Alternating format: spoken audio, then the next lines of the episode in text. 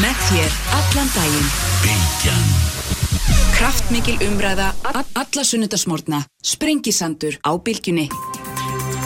Sæli hlustundur, þá höldum við að stað hérna á sprengisendunum þennan sundarsmorgun. Halla Þorvaldsdóttir sem er frangatastjóri Krabmeinsfélagsins verður, verður hér í lok þáttar. Þau verða hér Óli Pitt Kárásson, Drífa Snædal, Smári McCarthy. Ætlum að ræða þá um fyrirhóða sölu á 35% hlut í Íslandsbanka. Þorvaldur Guðnarsson, Sotvarnalæknir, verður hér.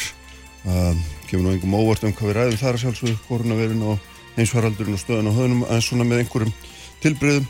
En sestur í hjá mig Sigur Ingi Jóhansson, formað framsóknarflóksins samgöng og sveitistunnar á þeirra, velkomin og sæl og blessaður. Kjærlega.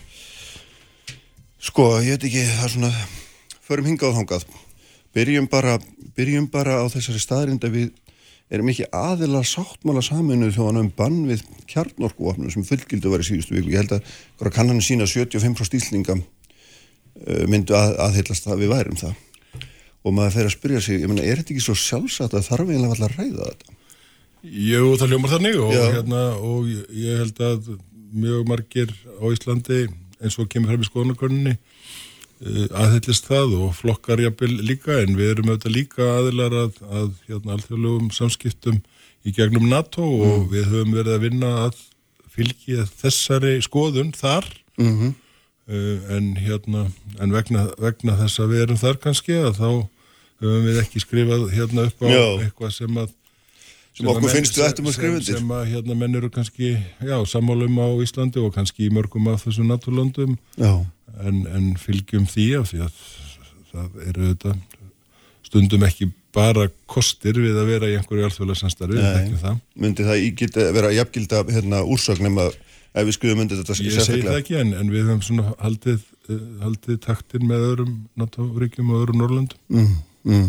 En er þetta ekki svona mál sem að, ég veit ekki, það er svo, ég held að svona fólkið þykja svona eins og við stöndum ekki lappnar og, og hérna þetta sé svo auglust, þetta er svo skýrt mál þar sem að hérna ættum að beita sjálfs ákvörna rétti okkar sem hlýtur nú að vera umfram þessa aðild. Já, hann er það og þess vegna erum við þetta að beita okkur innan NATO já. og ég held að við höfum gert það Mhm. þarna árum mjög lengi.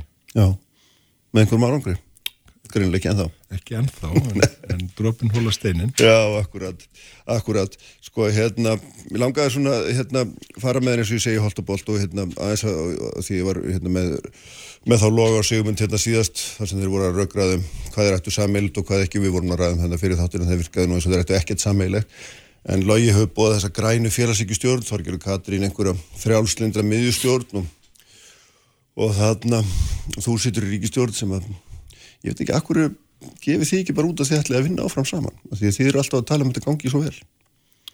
Já, það er auðvitað ekki hefð fyrir því á Íslandi að búa til þessar blokkir og Nei. yfirleitt hafa menn farið svo, eins og það kallaði er óbundnir til kostninga Já, og uh, það hefur auðvitað skilað sér í því að, að stjórnkerfi á Íslandi hefur svona yfirleitt gengið nokkuð vel, það skal viðkennast þó að eftir fjölgun flokka á síðustu árum þá hefur stjórnamyndun tekið stundum lengri tíma en, en, Jú, jú, en ekki. En, en það er rétt, uh, okkur gengur ljómandi vel. Fyrir okkur framsóknarmenn þá er ekki stefnubreiting á okkar hálfu, við erum miðjuflokkur. Mm. uh, við erum öfgálaus miðjuflokkur. Við aðhyllumst ekki svona ef maður segja það, þá sem að vilja oft á tíðum miklar kerfisbreytingar á grundvelli svona einhverja trúabræða sem við köllum svo um, þannig að afleggingin af því í gegnum langa sögu flokksins hefur þetta verið svo að mjög margir vilja gert að vinna með okkur, það er líka vegna þess að við erum samfunnu fólk, við kunnum að vinna saman. Og uh, það hefur oft gengið mjög vel og það gengur ljómandi vel í þessari ríkistjórn en ég reikna með að, að, hérna, að við munum eins og áður ganga óbundin til kostninga og síðan vera tilbúin til samtals við þá sem að sem að hérna okkur líst best á. Þetta er alveg hérna, svona klassískar klísjur fram og tilbaka. Þetta er það og, hérna, og ég skal ekki draga dul á það. Nei, nei. en það er stundum hefur oft verið talað um það að þeir sem eru á öfgonum þeir eiga auðvitað auðveldar með að, að, æpa hátt og segja Mm. hvert þeir ætla að fara en það er ekki vist að meirfluti landsmanna vilji það í raun Nei. og þess vegna er En hvað að að það sé skilja til- öfgar núna? Hva, hva, hvaða flokkar á Íslandi eru öfgaflokkar? Er það Já, ég, við bara höfnum öllum öfgum í raun og veru og hérna það þýðir Nefndu mér einhverju öfgar sem einhver flokkur og þingið með. Já, við getum bara sagt það að, að hérna þeir sem að vilja hér uh, sósalistisk ríki eða frjálshyggjuríki frelsi án ábyrð, við erum á móti slíku frelsi, -hmm. við viljum að, að öllu frelsi fylgi ábyrð við erum þeirra skoðunar að, að, að blanda það gerfi þar sem einstaklingarnir eh, með ríkinu hérna geti best byggt upp gott samfélag. Við horfum auðvitað til Norðurlandana í, í því skinni og, og hérna þess vegna erum við ekki erum, erum, erum við bara hreitn og klár miðjuflokkur og kannski sá eini á Íslandi. Já, það, það vilja nú hérna, margir, margir seilast hangað inn náttúrulega en þeir eru svo flesti kjósundunir þar. En ég minna það er sko, ef, eins, og þið, eins og þið sjálf öll þrjú oddvitarnir og reyndar miklu fleiri talið um samstarri í ríkistjóninni og maður horfir það á það svona kröfu eða kröfu óskulum við kallaða frekar kjósunda um það að það séu svona skýra línur. Arpi atkvæði sín og viti svona nokkurt megin í hvað áttu við komandi er að fara ef hann svona fær þokkalett fylgi þá er ekkit ólíklegt og ekkit, hérna, er ekki ósangjörn ósk til ykkar um að hérna, spyrja ykkur að því hvort að þið sjáu einhverja aðra betri lausn, hvort að þetta sé ekki bara það minnstu sem ykkur hugnast? Já, þetta virkar vel og hérna ef að sko það, það, það er auðvitað þannig að við berum síðan verk okkar undir vilja kjósendana sem var takkinu eitt frasan enn Já, já, og það er þegar að tala er upp á þeim kossum sem að möguleikarnir á því að mynda hér starfhæfa ríkistjórn komi ljós. Ég held að það velkist engin í vafa fyrir hvað við stöndum, Mm. held ekki. Og hérna og ég, við sáum það til dæmis fyrir síðustu kostningar að þó svo að einhver tæp 11% völd okkur í kostningunum þá vildu held ég 75% þjóðurinnar að framsvonarflokkurinn væri ríkistjórn mm, og það er aldrei merkileg staðrend já, já. En getur hugsaður að vera í grænni félagsíkjustjórn? Ég get vel hugsað mér að vera í grænni félagsækjustjórn svo fremi að hún starfi á þeim fórsöndum sem að við erum leggja áherslu á. Og það er bara þannig. Já, já, já. Við getum ekki svarað þessu skýrar. Nei, nei, en í frjálslindri miðjustjórn. Frjálslind miðurstjórn hendar okkur líka því að við erum róttakur umbótaflokkur og getum vel gert það líka. Guð, hvað þetta er alveg, alveg magnaði merki með þér allt saman. Ég heyrði að þú ætlaði að láta mig lofa einhverju öðru hérna upp að við þáttarins. Já, já. En, en hérna, Ég var að reyna það, því mér finnst það svona áhugavert vegna þess að það er auðvitað verið að reyna að búa til einhverja svona, og Lógi sagði það bara hreint út í þetta síðastu, ég er bara að reyna að búa til fyrir fólk, skýra sín á það hvað við viljum gera. já, við, Þeir- höfum, við höfum séð það á Norrlöndum vera að þróast í þá. átt. Það hafa verið svo- kallar rauðarblokkir og, og bláarblokkir. Já, Afleiðingin þar hefur verið núna síðustu árin svona vaksandi vandræði við stjórnamyndun, vaksandi vandræði við að hafa skýra, skýra sín, en það sem þeir hafa haft umfram okkur er þó hefð fyrir því að taka tillit, meira tillit til hérna, stjórnarandstöðu flokka jafnvel vera með minnu hluta stjórnir. já, já. Við höfum talað fyrir því að það væri að gæti bara vel verið ágætis valkostur en það er ekki hefð fyrir því á Íslandi. Þá þarftu í raun og vera á hverjum tíma að vera að semja við, við stærstu, stærsta eða stærstu stjórnaranstöðuna til þess að koma málum fram. Já. Þá ganga hlut breytingarnar auðvitað hægar yfir menn fá ekki eins, ganga ekki eins langt eins og þeir hugsanlega vildu mm. Og að því leitinu að, er það í samræmi við stefni framsvonarflóksins Aha. sem er hérna Mhm. öfgóðlaus stefna og, og hægfara breytingar. Getur þú hugsaður að vinna með miðflokknum?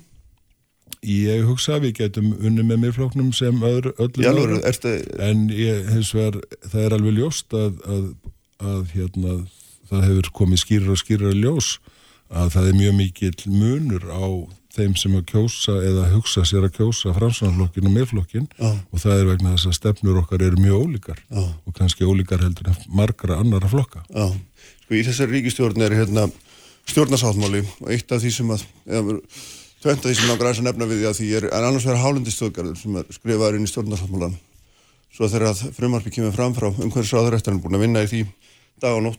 að hérna snúast inn í tveir flokkarnir bara öndur við og segja neitt takk af hverju?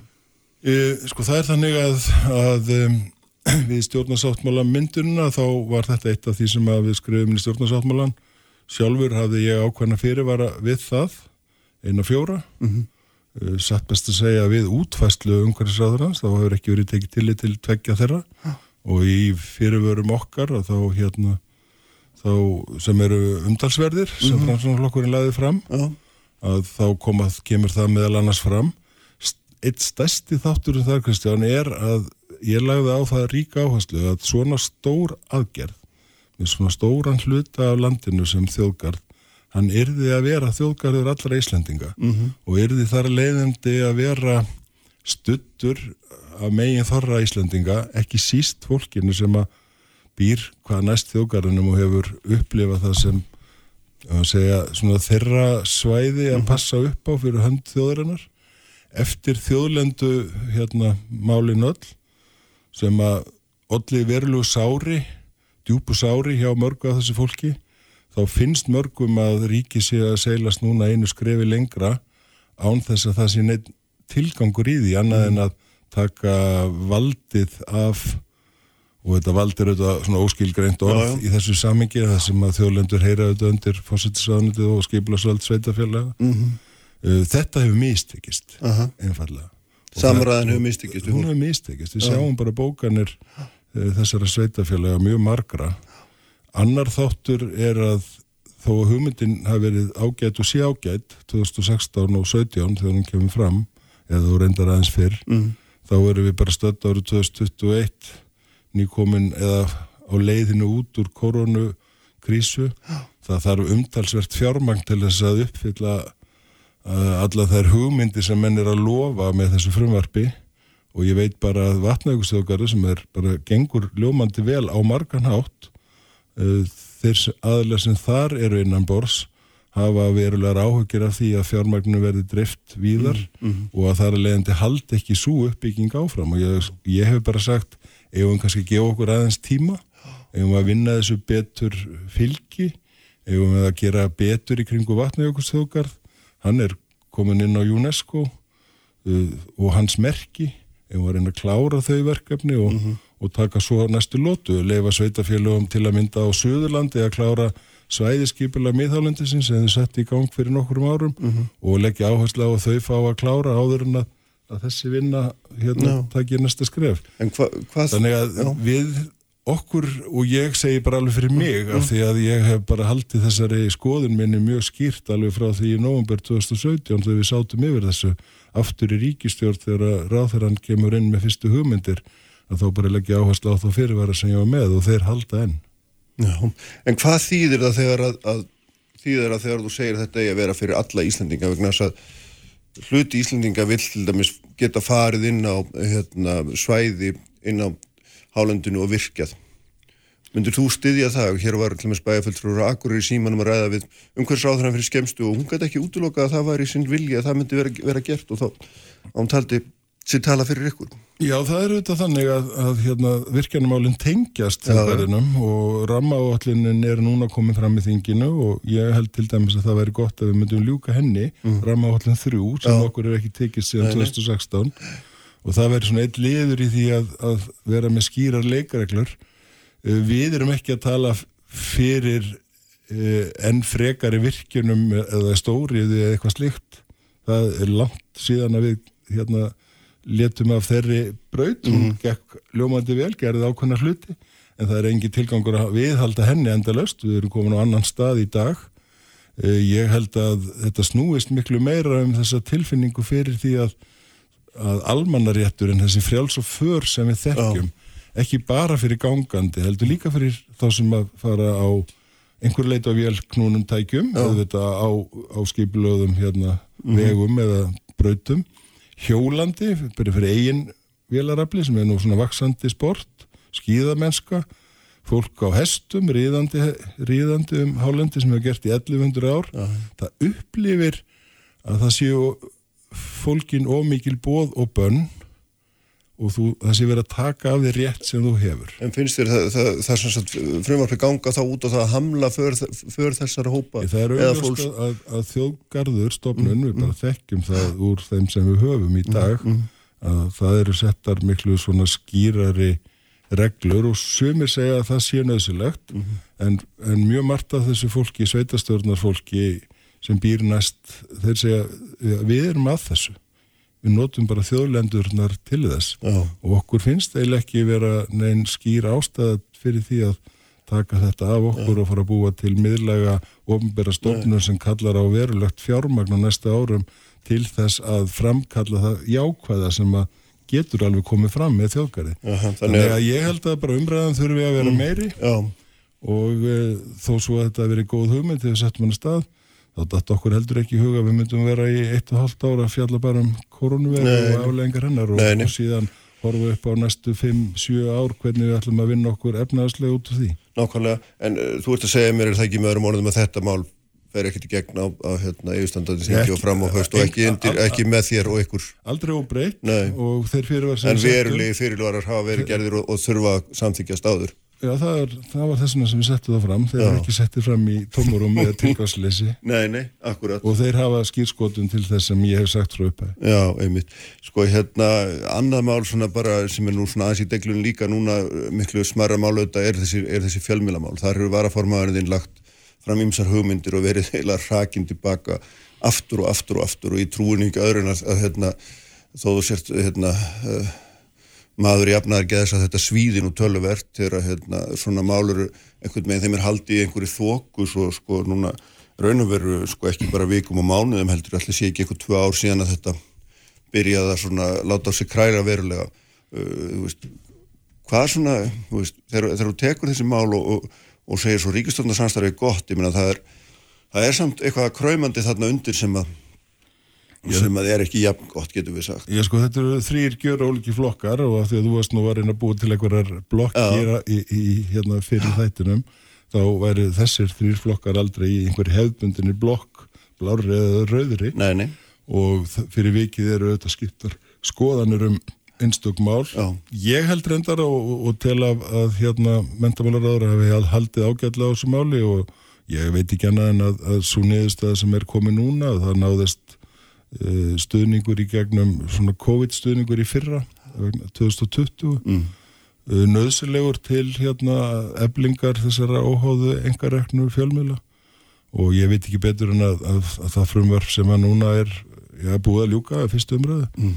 að um það sé nú svona alveg þokkaleg sátt, breið sátt mm.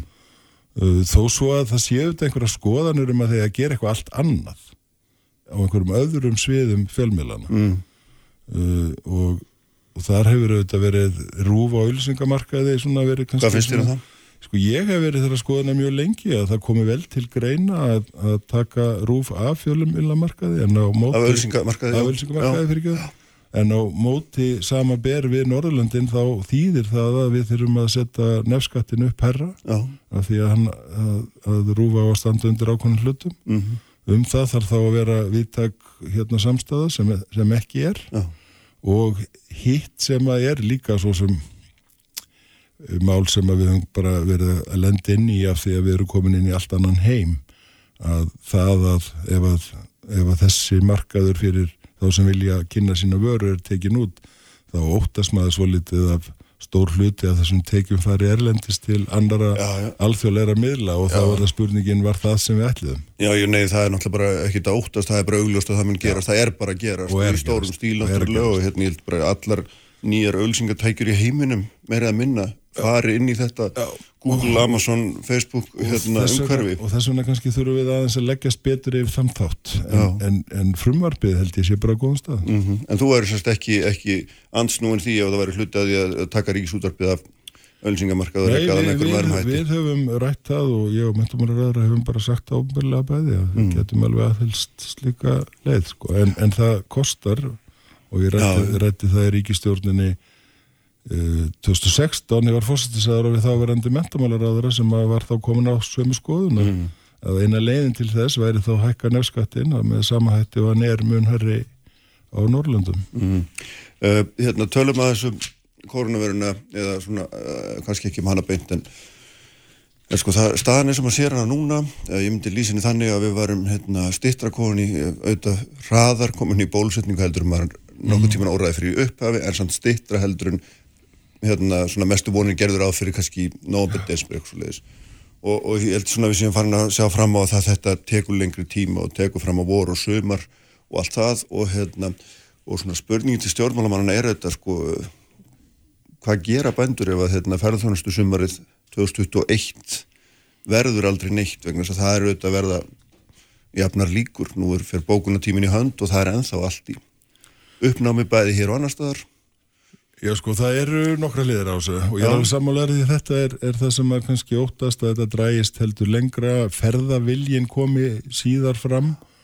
Um, en auðvitað er það þannig að það er þó orðin tó, þó svolítið hópur ekki síst í, í Európa-landunum og reyndar Vestanhafs og Breitlandi sem að nú þegar hefur gengið gegnum þessa, þessa veiru og er komin þar að lendi með mótefni eftir að hafa síkst og svo e- ganga bólusetningarnar auðvitað smátt og smátt og verða sífilt stærri hópar sem verða bólusettir. Þannig að það verður umtalsverður hópur af fólki sem að mun vantarlega geta ferðast vegna þess að þeir eru annarkort með mótefni eða bólusettir.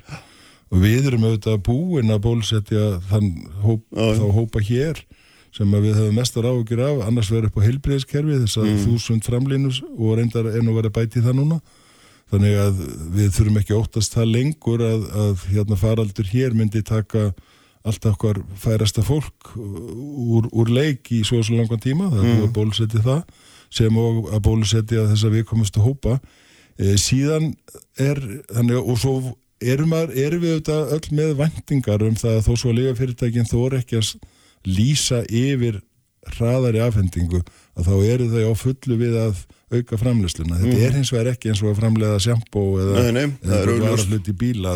Ef, þú- setur upp nýja hérna, versmiðu þá þarf eiginlega staðlega hana Já, og já. prófa síðan vöruna út úr henni áður en að hún getur ferð á marka og Það er- viljum líka að, það er að engin framleiðsla í heiminu sem þarf að fara í gegnum jafn þröngt Nei, nákvæmlega. þröngt nálarauga eins og þetta Mhm. og við viljum það sko, þó svo við viljum fá bóluefni þá viljum við að þetta bóluefni sé örugt um, og að lokum svona til þess að svona, setja inn eitthvað svona bjartsýnt og jákvætt þá Mhm. hef ég heyrt bara frá ferðarþjónustunni að menn eru að senka væntingum sínum til sumar leifa Mhm. á þessu ári ágúst og jafnvel september verða svona meiri ferðamánuður Mhm. Já. og, þá er þá um og þá- þá- Þá erum við komin inn í þessa spurningu hjá okkur sko, Já, verður, verður möguleiki að koma til Íslands hérna í, í, í, í september, við erum auðvitað komin þá hann að nálgast vetur. Ég held að þarna séu tækifæri og, og eins í hinnu að, að það verður vonandi umtalsverður hópur fólks bæði e, semst, já bara víða í Evrópu, það sem hefðbundi markasvæðum okkar Mm. sem verður tilbúin til ferðalega fyrr. Og það er vendingar um að, að við getum vonandi verið með svona Mm. fyrirsjáleika í þessu já, já, opnum á, á hérna landamærum. Og Já, það er ekki stjórnan að vinna að. Já, akkurat. Uh, sko það er sem vegna að það hangir náttúrulega á þessari spýtu ekkur sko hérna 24.000 manns sem er á natunu, það er af 11.000 manns sem hafa verið án vinnu í 6 mánuða lengur. Já, 25% tæplega af erlendur ríkisborgurum á Íslandi sem er aðeins enga vinnu.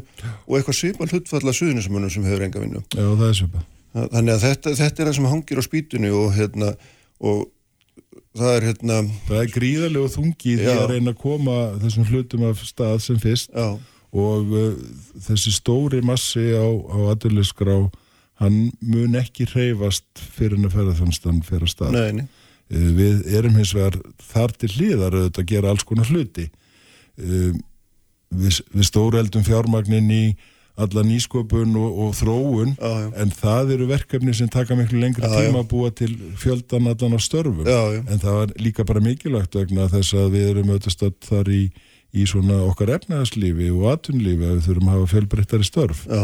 Uh, en síðan erum við þá með þannig möguleika til ofnbæra fjárfestinga og vorum með fjárfestingar átak uh, sem að lítur að mörgum þáttum mikið í samgöngum sem var verulega þörf á. Við sögum að vera nú væri skynsanlegt að undirbúa það áður en að hérna, fleiri ferðamenn koma aftur Já, til landsins. Já, og það gengur bísna vel. Eh, það má velta fyrir sér hvort að við þurfum að, að auka ofnbæra fjárfestingar en frekar. Mhm. jafnvel þó svo við þurfum að taka það að láni. Einn hluti í því er auðvitað að breyta egnum sem ríkið á. Eins og til dæmis hluti í Íslandsbanka -hmm. þannig að við gætum hérna raukstutt það að við verum að færa til eignir í arsamæri hluti sem að aukin heldur kölluð á, á vinnuafl þar eru nokkru stórir stórverkefni sem hafa verið Já. á borðinu og síðan fórum við fram með frumverk núna inn á þingið og er fyrir þinginu um, um hérna kvata fyrir fyrir um, hér almenn atunlíf mm. Uh, með bæði á, sérstaklega á þessu ári uh, með hraðari fyrningum sem og svona græna fjárfestingu sem verður þó líka á orðinu 22 aha, það sem að er enn frekari kvatar, skattalegi kvatar til þess að fara á stað. Og samhliða því að við sjáum svona einhverja leið út úr kófinu með bólusendingunum að þá vonast maður til þess að fyrirtækin taki við sér og það verði líka svona hluti sem að kalli á nýtt fólk. Við sitjum náttúrulega hér í- á landinu og þessu tengt á gríðalegu fjármagni í lífurisjóðum og hér var um daginn hjá mér Ólaf Sigursson sem er framkvæmdastóri í Byrtu lífurisjóði og hann var bara bókstæðlega að kalla eftir því Já, að það eru þau opnuð verkefni fyrir hann og hans líka til þess að setja peninga í. Þeir, þeir eru með mikluta peningum fara ekki með út á landinu, það er óhagstætt. Það vantar verkefni. Vantar verkefni og maður veldi fyrir sér hérna akkur nýtum við þetta tækifæri ekki betur? Við erum að því en allt tekur þetta en, þessi samfunnu framkvæmdir í, í samgöngumálunum Já. sem eru skilgreint sex verkefni þetta eru verkefni á annað hundra miljardar mm. þau eru að fara að stað á þessu ári. Fyrstu verkefnin eru ekki í þessari stærðagráðu en hotnafjara og vegur yfir öksi og síðan tínastu fleiri til, Ölfusárbrú vegur um Myrdal en síðan er stóra verkefnið Sundabraut. Og ég á von á skýslu í næstu viku. Og mun kynna hana þá þar sem að við erum komið skýra línu um það hvernig, hvernig hún getur átt sér stað. Aha. það er samfunnuverkefni það eru, eru hérna, týjir miljardar sem þar myndur liggja undir. Og ég vona svo sannarlega að það innlanda fjármagn sem að til er munu horfa til þessara verkefna og koma þeim þannig í vinnu. Það er Við erum alveg ekki- klárlega hluti af þessu. Þetta er ekki bara vegir, þetta eru flugvellir, þetta eru brýr, þetta eru hafnir, þetta er raforkukerfi, flutningskerfi, dreifukerfið, það er svo mörg tækifæri og það er svona, hérna, á þessum tímu þá hefði verið mjög snjált, hefði maður haldið. Og við sáum það nú síðastliðin vetur hvernig raforkukerfið okkar, hérna, hálf hrundu undan veðrinu. Já, og, og hérna, það hefði verið mjög snjált að svona að nýta sjóðina í þetta, Kla- þeir eru tilbúinir. klárlega og það er nú þess vegna sem að ég lagði áherslu að yfir þeim hluti sem ég ræð að, Já. að koma þessari eh, annars konar fjármögnun á framkvæmdum á koppin. -hmm. Það er búið að tala með þetta mjög lengi. Já. en ég ákvað bara að reyna að gera þetta og hafði sem betur við stuðning til þess á alþingi. Mm Þannig að í næstu viku þá myndu segja okkur frá því að þú ætlar að fjármagna, eða þið munið geta fjármagna sundabraut og, og hérna byrja hún, ég held að er hún ekki frá 1970 eitthvað? Hún er bísna gömul fyrstu hugmyndir Já. og hún er búin að vera í tómu bastli núna í 10-20 ár í brefaskriftum milli ríkis og, og, og borgar á 6 til 12 mánuða fresti Mm. Já. og ég ákvað að taka það bara úr þeim farvegi og setja sniðið með fólku og segja finnum leið, Aha, finnum laust já, og hún er að koma. viltu ekki segja hvað hún er? Ég ætla að geima það þangað til í næstu viku en hún er hún er, hún er ánægilegri, hún er jákvæðari Já, bæði umhverfislega og fjárhærslega heldur en hérna margir og þú ert semst búin að finna staðsninguna sem búið að rífast um í áratvíi líka. sjáum til. Herrið, það verður gott að hérna, fylgjast með þessu Sigur Ringi, takk fyrir að koma Takk fyrir. og hérna við rættum aðeins um koronavirinu þetta en ég ætla að halda því áfram því Þórólu Guðnarsson, sótarnar læknir alltaf setið saman. Sprengisandur, alla sunnudaga á bylgjunni. Sprengisandur. Alla sunnudaga á bylgjunni. Sæli hlustendur, Sigur Ringi Jóhansson samgöngu og setjastjórnar á þeirra farin frá mér. Uh, Sestur er hér Þórólu Guðnarsson stóttvarnalæknir, velkomin Þórólur Já, takk fyrir það. uh, Við vorum nú aðeins byrjaðir að það er nú ekki hægt að tala við neitt á þess að fara aðeins inn og þess að þess að við erum alla saman en mér langaði þess að tala við kannski um sko, staðan, stöðuna í þessum hérna, bóluefnismálum vegna þess að það er svona margt í deglunni þegar maður er að reyna eitthvað með að ráða í, í spilin og, og og sérstaklega kannski í Evrópusambandinu sem við bundum okkar trús við. Þar er, er mikil svona undiralda mikil óanægja við það með hvað þetta gengur hægt og þeir hafa náð lélum samningum og svo framvegis. Og hérna eru langt, er próstulega miklu lægri. Minna þeir hafa hérna náða að, að, að sko uh, bólusetja 1,5% þá hérna eru sko brettar konni með 7 og bandaríkjumenn meiri segja með 5 og, og menn eru sjá ofsan með þessu, ég meina hvernig metur þessu stöð og hvað, hvaða afleiningar hefur þetta fyrir okkur ef þetta gengur svona hægt á þessum vettvangi? Já, það kannski er erfitt fyrir mig að tjá mig um það, ég eh, hef ekkert verið í þessu ráðanetti þegar alfarið stýrt þessum bóluinkaupum og bólusinningar inkaupum en samt sem aður þá finnst mér nút aldrei sko ég held að bóluefna framleiðendur séu alveg á fullu að reyna framleiða þeirra auka við sig og bæta við vesmiðum og svo framvegis og framvegis. En meðan eftirspurnin er svona gríðarlega mikið mm. þá get ekki allir verið fremstir og allir fengi mest og, eh, og ég veit ekki að hverju brettar eða bandarækjumenn hafa fengið svona mikið. Þegar hafa gert einhvers konar samninga og náði einhverju fram í krafti eh, síns veldis, getur maður sagt. Og, og, og mér finnst svona einhvern veginn óraunheft að halda það að við séum í einhverju aðstöðu til þess að þess að eh, eða höfum, höfum verið fram, fram að þessu í einhverju aðstöðu til þess að knýja einhverja, fram einhverja mikil innkaup en auðvitað eru menn bara orðin óþreyfullir og menn já, vilja bara fá þau að klára þetta og því sjáum bara nú kemur eitthvað smá hyggst í framleystunum hjá Pfizer já.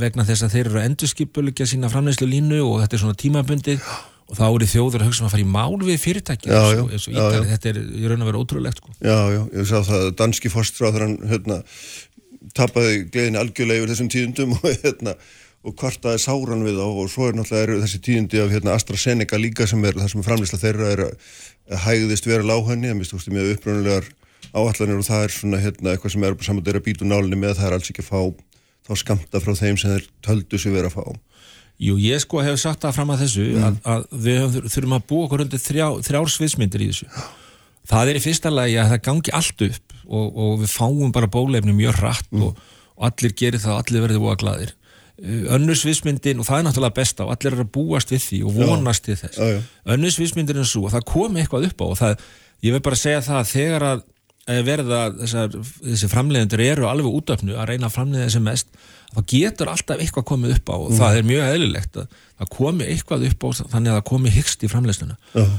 og, og, og er það lítið eða er það mikið það getur verið hvað sem er Eh, þannig að við þurfum að vera undir það búin og svo eh, líka það komið kannski bara mjög mikið hyggst annarkvært að bólefni virk ekki uh mhm. -huh. komið alvarlegar aukaverkanur upp þannig að, að menn vil ekki láta bólusetja sig þannig að það verði kannski tímabundi lítið sem ekkert bólefni uh mhm. -huh. ég held að við þurfum að horfa þessar svismyndir og þetta viljum við fá fyrstu svismyndina en, en við hefum ekki algjörlega að fara úr límingunni ef eitthvað annað nei, gerist. nei, nei. En þetta snýst auðvitað einhver leiti um ætningastjórnum vorum við kannski svona heilt yfir aðeins og bjart sín svona kringum ára mótina því að þá leiti þetta allt svo vel út. Já, ég veit ekki, það bara fyrir eftir hvern maður, á hvern maður hlustar.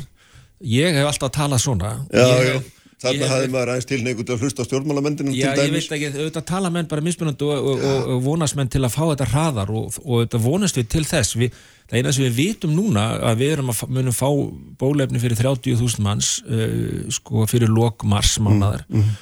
uh, það vitum við, en við, við vitum líka að það er vona á fleiri framleiðendum á markaðin eins og AstraZeneca já. fyrir þann tíma vonandi, við erum ekki alveg klár. Nei, nei og svo hugsanlega geta þeir eitthvað gefið í heim, þannig kannski verður þetta eitthvað betra mm -hmm. kannski kemur eitthvað upp á sem gerir þetta aðeins verður en, en staðan er bara þannig og ég heldur verðum bara að anda djúft og halda stöðinu góðri hér innanlands eins og mhm. við erum að gera núna mm -hmm. á meðan að er að komast í gott horf Já.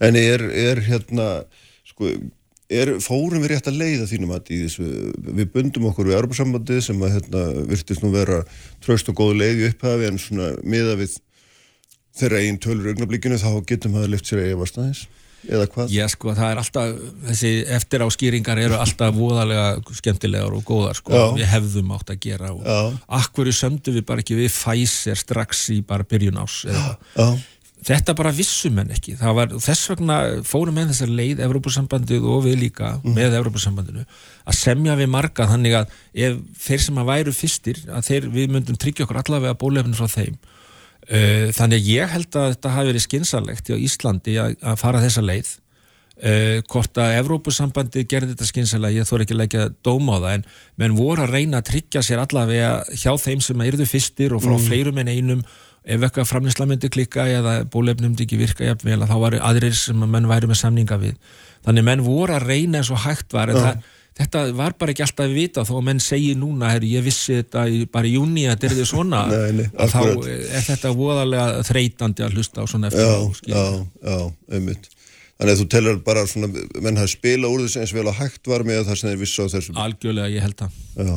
en hvað með, hvað með þessa samninga hérna sem að sem að þú hérna komst aðeins nálægt um að bólusittja alla íslensku þjóðina þegar það var verið að tala við Pfizer, þetta gufaði einhvern veginn upp þetta varð aldrei neitt Ísraelar fengu, tóku einhvern veginn frumkvæðið því að mann er skilst hvernig endaði það máli einlega? Var þetta bara ekki hægt eða hvað? það er, ekkit end, það er ekki komin endir á það máli Nei. í raun og og, það sem að hugmyndin okkar með þessu var ekki bara það að við ættum að, ætlum að vera fremstir og tryggja okkur, tróða okkur framar í röðun og svo framvegis. Mhm. Auðvitað eru ímsar siðfræðilega spurningar sem vakna upp við þetta en það sem við vildum gera var það að ef að við gætum sko fengið uh, mikið magna bólefni til að, til að, til að bó- bólusetja stóran hluta þjóðinni á stuttum tíma þá gætum við líka farið út í rannsóknir sem myndi svara mörgum af spurningum sem við þurfum að fá svör við varðandi svona bólefni og, það að bólusetja svona stóran hluta þjóðarinnar eins og til dæmis hvað þurfum við að bólusetja marga til að venda þá sem er óbólusettir? Hvað er stað stórt hlutfall? Hvað eru raun og veru margir sem smítast eða þrátt fyrir bólusetningu og af hverju stafar það? Uh, nú og svo getum við spurt líka af hverju stafar aukaverkanir eins og þessi ofnæmisviðbröð sem við erum að sjá? Uh, er þetta að rannsaka það eitthvað aðeins betur? Og svo það er fjöldin allir og svona spurningu sem við sögðum herri, við erum í stakk búin til að, til að gera svona rannsóknir, svara þessu. og sem að gagnast ekki bara okkur heldur líka bara öðrum löndum sem er að leggja út í svona bólusetningar. Og ég held að sé kjör, kjörnar aðstæður hér til þess að, að, að gera þetta og, og, og við lögum þetta þannig á borðið og svo þarfir utan, ef þetta, ef þetta gengi upp þá myndi það bólefni sem við varum búin að tryggja okkur kaupa á þá var hægt að gefa það til annara, við myndum kaupa það og það myndi aðri fá það, þannig að við værum ekki einhvern veginn að taka frá öðrum. Og, og, og, og þannig lögðum við þetta upp og, og þær umræður eru bara ennþá í gangi, getur Já. sagt Þannig að það standa ennþá yfir viðraði við fyrirtækið um að, um að hérna, Já, já, það eru það, en það er bara ekkert komið á neitt endapunkt, þannig að það er ekki hægt að segja neitt af eða á í því. Nei, hefur það fylgst eitthvað með þessu þarna í Ísrael, hvernig þetta gengur, þetta er nú ekkert ósvipuð hugmynd, skils mér. Nei, ég hef ekkert fylgst sérstaklega með því, ég, hérna, til að það sé, það eru bara svo margar hugmyndir uppi mismunandi að ég held að við eigum bara að, að hafa okkar eigin uh, fókus á það hvað við erum að gera og, og, og nú ef að þeim tekst að, að bólusetja og, og það gengur vel og, og þá er það bara ánægilegt fyrir þá en, en auðvitað er það þannig að þessi faraldur, heimsfaraldur verður ekki búinn fyrir en að fyrir en allar þjóðir, við erum búin að ná hana niður allstaðar. Nei, nei, nei, nei. Það er einmitt ágætið svona stikkorði yfir það hvernig, ef, við horfum bara svona, eða þú horfum með okkur hans bara á þessi nágrannlönd í augnablikinu sem að virðast vera í mjög erfiri stöð og maður kannski sérstaklega sko beini sjónum að þessu svo kallaða breska afbreyði sem held ég sé kallast B117 sem menn eru ógulega hrætti við að þér virðist. Hvernig metur þessa stöðu? Já sko, þetta, það eru nokkur afbreyði sem menn eru svona einblína og það er þetta breska afbreyði, það er þetta söður afríska og svo þetta brasilíska afbreyði og uh, það er sko ekki komin eitt svona alveg óvíkjandi niðurstöður á rannsóknum á þessu afbreyði hvort að í fyrsta lagi já við vitum að þetta er sennilega meira smítandi smítar betur heldur en önnur, önnur afbreyði það er ekki neina vísbendingar um þetta sé valdi alvarlegri sjúkdómi. Það er að, að Boris Jónsson var eitthvað að tala um Já, það já. en sótarnastofnun Evrópu segir að það sé ekki merkjum það. Og það var líka, menn voru líka hættur um þetta geti verið að valda meiri sjúkdómi hjá börnum til dæmis heldur en hérna það er ekki, sótarnastofnun Evrópu segir að það sé ekki merkjum það. Nei. Uh, svo voru líka menn með svona vangaveltur hvort að uh, bólefnin myndi venda gegn þessu afbreyði það er ekki konar niðurstöður þeirra rannsókna.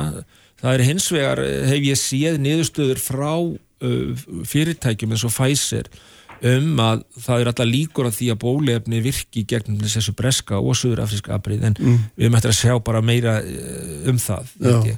þannig að þetta er svona en ég held að það, sem er að gerast er það ef við fáum afbreyði sem að smitast meir, betur smitar fleiri, hraðar Já, að þá fáum eh, sko, meiri afleðingar, það segir sér bara sjálf bara á sjálfri. Já. Uh, Nú við erum búin að greina hér á landamærunum millir 40 og 50 einstaklinga með þetta breska afbreyði við hefum ekki fengið neina dreifingu innanlands. Við hefum náða að stoppa það á landamærunum sem sýnir bara hvað hvað landamæra skimunum okkar er, er, er öflug en ég bara minni líka á það að þú ert að gangi vel hérna innanlands núna, þá erum við að greina mjög marga á landamærum og þetta fólk fyrir í einangurinn og þetta fólk veikist líka alvarlega Já. og þetta fólk getur valdið líka eh, sko, miklu álági helbriðskerfið og Já. við erum bara að sjá það núna Þannig að svona samandreiði þá, þá er það að minnstu fórstu ljóst að þetta er einhver svona örari smittíðni sem þarna er en, en óvíst kannski um, um, um svona afleiðingarnar. Já. Hvort að þær eru, eru verri eða betri að verri heldur en Já, en það, þekkt. en það er líka ánægilegt að heyra það til að fossasmenn eins og Pfizer segja það að, að þeir væri tiltölulega fljótir að henda inn ný, eins og þeir orðuðu það uh, henda inn nýju RNA inn í bólefni ef það væri kemur ykkur nýtt afbreyði sem, að, sem að þeir hefðu ekki verið með áður. Þannig að, þannig að þetta er bara ný tækni í bólefna framleiðslu sem er bara mjög áhugaverð. Þeir þurfa raunum ekki, er það ekki, ég var að reyna að lesa með tilmynduðan ekki frá þér um það, en þetta er einhvern veginn endur forritaðir prógrami þannig að það breytist aðeins og getur þá tekist á við nýjar, nýja afbreyð, ekki sett. Jú, jú, þá, þá, þá fá þeir bara nýtt RNA sem, Mm. að, sem að framkallar öðruvís, aðeins öðruvísi ónæmi svar sem að virkar á, á, á þessar nýju veirur og það, þetta er bara mjög aðteglisverð nálgun á, á bólusetningum Já. Og, þetta er eitthvað sem, að, sem að er alveg nýtt og kannski kemur til með að vera vonandi. Já, en þetta er náttúrulega, er það ekki bara eila bylting í framleysla bólöfnum, er það myndir Jú. ekki geta orðað þannig? Þetta er algjör bylting og, og hérna og, og, bara hvað þetta við tekist vel og hratt auðvitað mm. eru margir hrættur um það hvað þetta sé kannski of hratt og svo framvegis en við erum bara að glíma við mjög alvarlega faraldur og við viljum reyna að ná vörnum eins hratt eins og mögulegt er og, og við erum að ná því með þessu bólefni og, og þess vegna finnst mér náttúrulega ekki gott ef menn eru eitthvað að tala það niður sko. vilja menn hafa ástandið eins og það er? Vilja menn búa við svona ástandið og við erum búin að búa við næstu 2-3 árin? Nei, takk.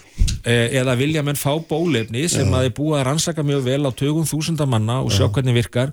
Og, en við vitum ekki langtíma afleðingarna við getum þurft að taka eitthvað sjens á því. Þú, það, þú hefur um tvo kosti að velja.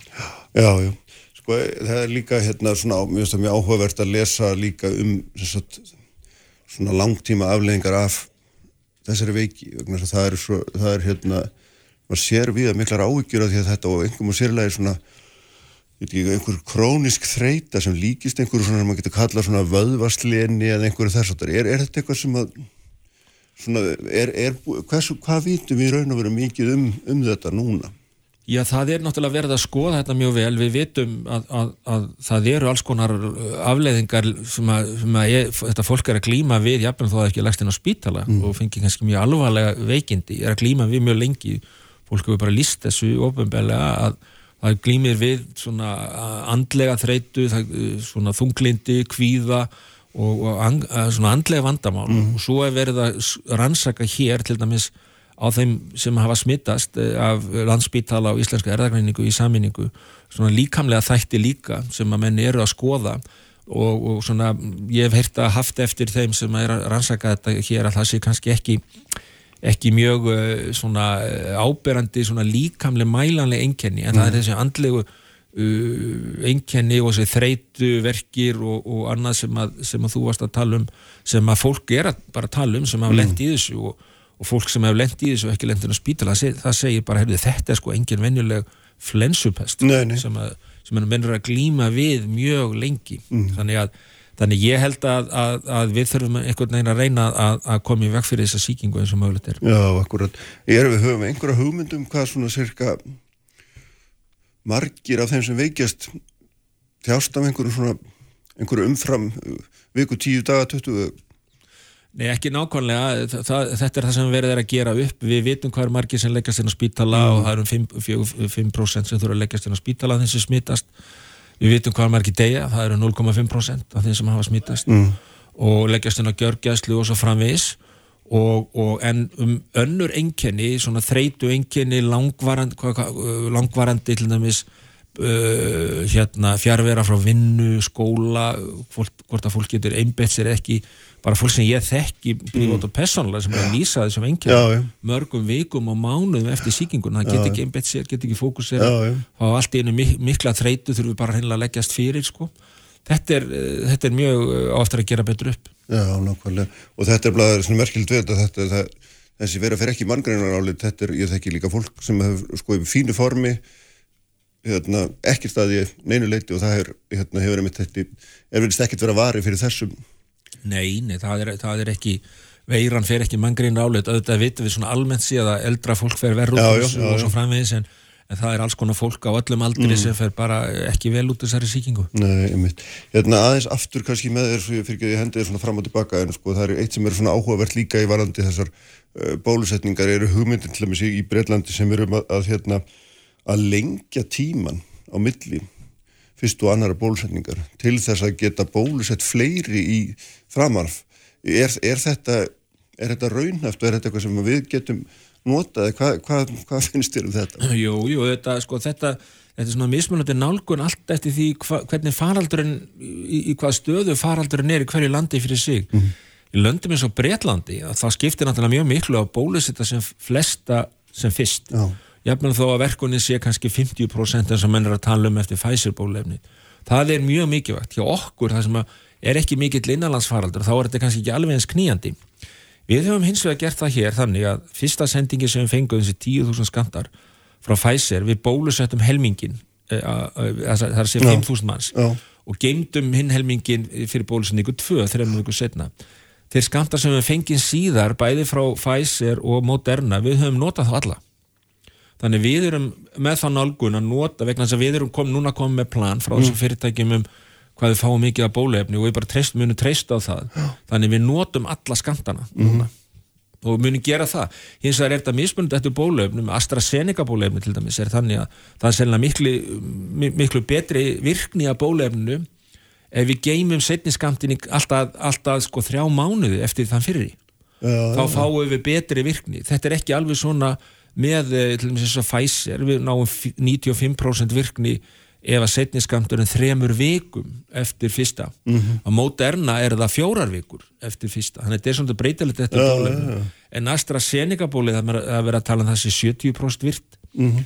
Uh, og svo vorum við að uh, tala um það að, að við notum hálfan skamt í fyrsta fyrstu sprautuna og svo fullan að þá væri það allt upp í 90% en nú er þetta sannlega komið í ljós að það skiptur öllu máli. Ef það gefið setna, setni skamturinn gefið setna að þá náum við kannski 90% virkni og það getur verið allt upp í þrjá mánuði eftir þann uh, fyrsta, þannig að þetta er svona breytalegt eftir hvaða bólefni við erum að tala um. Já, þetta verður heilmingi mála skipulegja þegar mennur komið marga tegundur af bólöfn og þarf að kalla sjúklinga inn á mismundi tíma eftir í Já, hvað. já, það, ver- það er það en við erum búin að það er búið að koma á lakirnar svona mjög öflugur rafrænu kerfi sem heldur utanum þetta og, og, og við bara vonumst þess að við náum því að, að, að halda utanum þetta allt en ég, og ég hef þá trú að það takist. Á sama tíma þá skr- skráum við alla erum með mjög góða skrá yfir alla sem eru bólusettir. Alla það sem eru óbólusettir og svo framvegis. Þannig að Þannig ég, ég, við höfum alla börði til að láta þetta ganga bara mjög vel. Mm Ef við horfum bara hérna, örstutt fram í tíman, við sjáum ástandi í Európu öllum nágrannlöndunum, það er engin, það væri ósmarsæði að fara eitthvað að slaka á við landamennin hjá okkur í ögnumblikin, er það ekki, eða hvað myndur þú sjá? Jú, það var, algjör, það var alg, algjörlega, það er það sem að skila okkur þessum árangri. Það er þessi landamæri og sem við byrjuðum á í, í, í júni og höfum svona verið að þróa og sjá hvernig er best er að hafa það. Margi verið mjög óanaði með það en nú sjáum við bara hvað aðra þjóðir eru að gera. Nú eru aðra þjóðir með sín, sína miklu útbreyðslu að reyna að ná einhverjum böndum á þetta með því að takmarka á landamærunum. Já, já. Eh, Þetta er eiginlega alltaf seint að mínum að hjá þeim. Þetta, þetta mun, mun þetta skila einhverju þetta mun ekki skila miklu. Ég held að árangurinn okkar að fyrst og fremst þakkaða náttúrulega samstöðu almennings og það sem að almenningur hefur gert hér innanlands og svo þessum aðgerðum á landamærunum. Við erum búin að það er búið að greina eh, tæplega 500 mismunandi afbreyði að veirun, veirunni á landamærunum. Þar að hafa 23 afbreyði komist inn í landið og verða að valda okkur þessi vandræðum. Þannig að það sem við höfum verið að gera á landamærunum er algjörlega verið svona líkillin líka af því uh, hvernig okkur hefur tekist til. Og sérlum í Belgíu, þar er, er búið að loka ekki bara inn í landið, heldur að verða að banna fólki að fara út úr landinu líka. Já, já. Og þarna, kemur það til greina á Íslandi?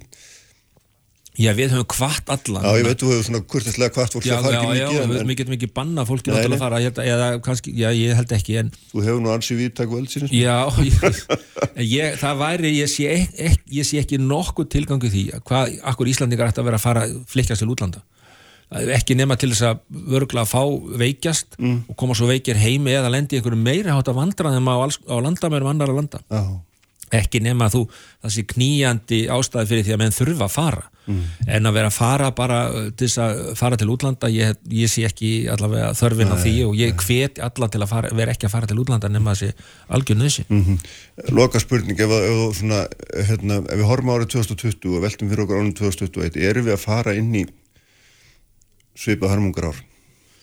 Nei, ég held ekki, Nei, nei. ég held ekki. Ég hef full að trúa þessum bólöfnum mm.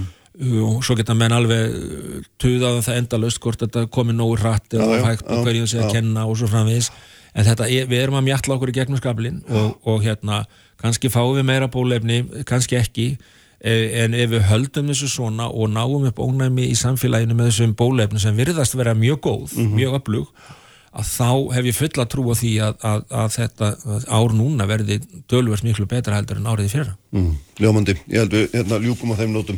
Takk fyrir að koma Takk Þorlundur. sem leiðis Svo ætlum við að tala aðeins hérna um Íslandsbanka eftir Óli Bitt Karasson, Drífa Snædal og Smári McCarthy. Með þér allan daginn Hvar sem er, hvena sem er, Bilgjan. Bilgjan Uppspretta frétta á Sprengisandi. Á Bilgjunni.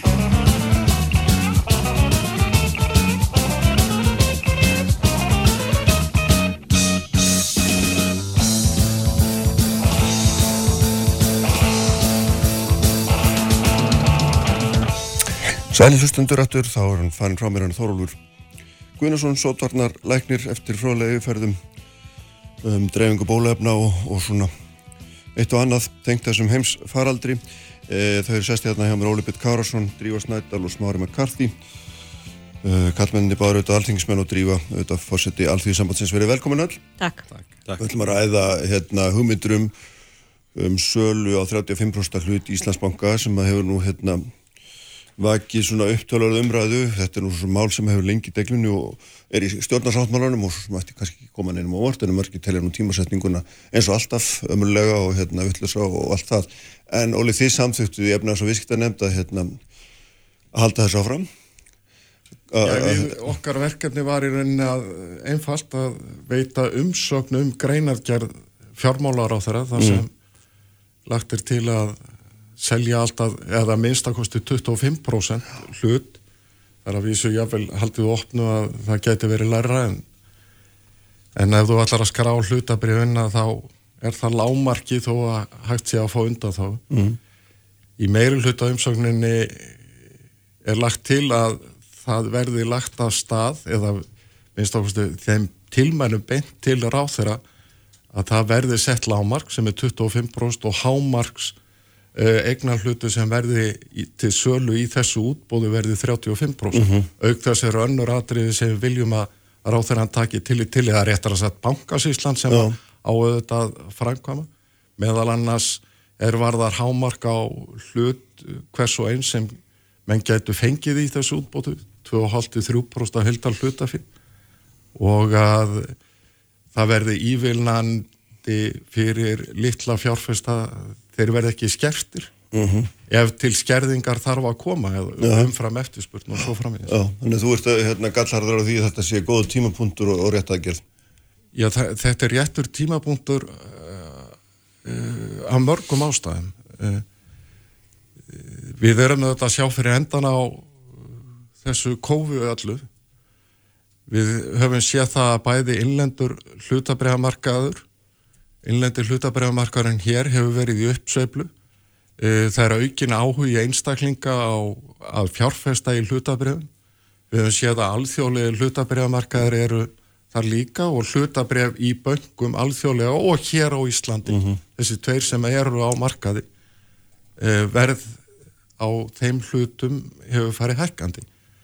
Að þessu leiti er þetta rétt tímasetning en það sem skiptir líka miklu máli og mér finnst stundum svona menn mættu huga aðeins meira að því er hvaða jákvæðu áhrif skráning á svona stóru félagi eins og Íslandsbanki er hefur almennt á hlutabriðamarkaðin og mun verða til þess að ebla hlutabriðamarkaðin og þegar að við erum að leita eftir viðspyrnu hér eh, eftir COVID að þá skiptir það gríðarlega miklu máli fyrir fyrirtæki, stór og lítil eh, að hér sé til staðar öflugur hlutabriðamarkað þannig að það eru það eru öll merki um það að tímasetningar kunna að vera skynsalegar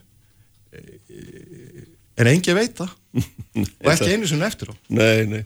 Drífa, þið hérna hjá ASI, þið eru algjörlega öndurðu með því og telli þetta, hérna, telli ynga eftirspurn eftir og það er reynda sínt í konunum er það ekki, sé það er nú ekki stór hluti íslinga sem að hefur svona, sem telur þetta vera rétt, svona konunum sé þið lítu gera hjá Gallup. Já, um, og það, þetta kemur svolítið brátt að mm sem, sem okkur finnst mjög undarlegt að við erum hann að köllu fyrir nefndirnar, bæði fjálega nefnd og efnaðs og viðskiptarnefnd með tvekja daga fyrirvara til að segja skoðu nokkra á þessu. Ég heldum í rauninni að þetta mál væri bara út á borðinu því var frestað hérna fyrir uh, tæpu árið síðan út af COVID. Uh, en síðan allt í hennu liggur sko lífið á að selja hana banka. Og þá sko fara hérna ringja alla viðvörunarbjöllur og við fórum í þá uh, vegferð að kalla sérfrænga, uh, sérfrænga teimið að borðinu til þess að reyna að greina þetta hvort það verið skynsalegt og rétt og, og síðan letum við gera þessa könnun því okkur fannst mikilvægt að vera með bara hérna könnun á vilja almennings til þessa gjörnings.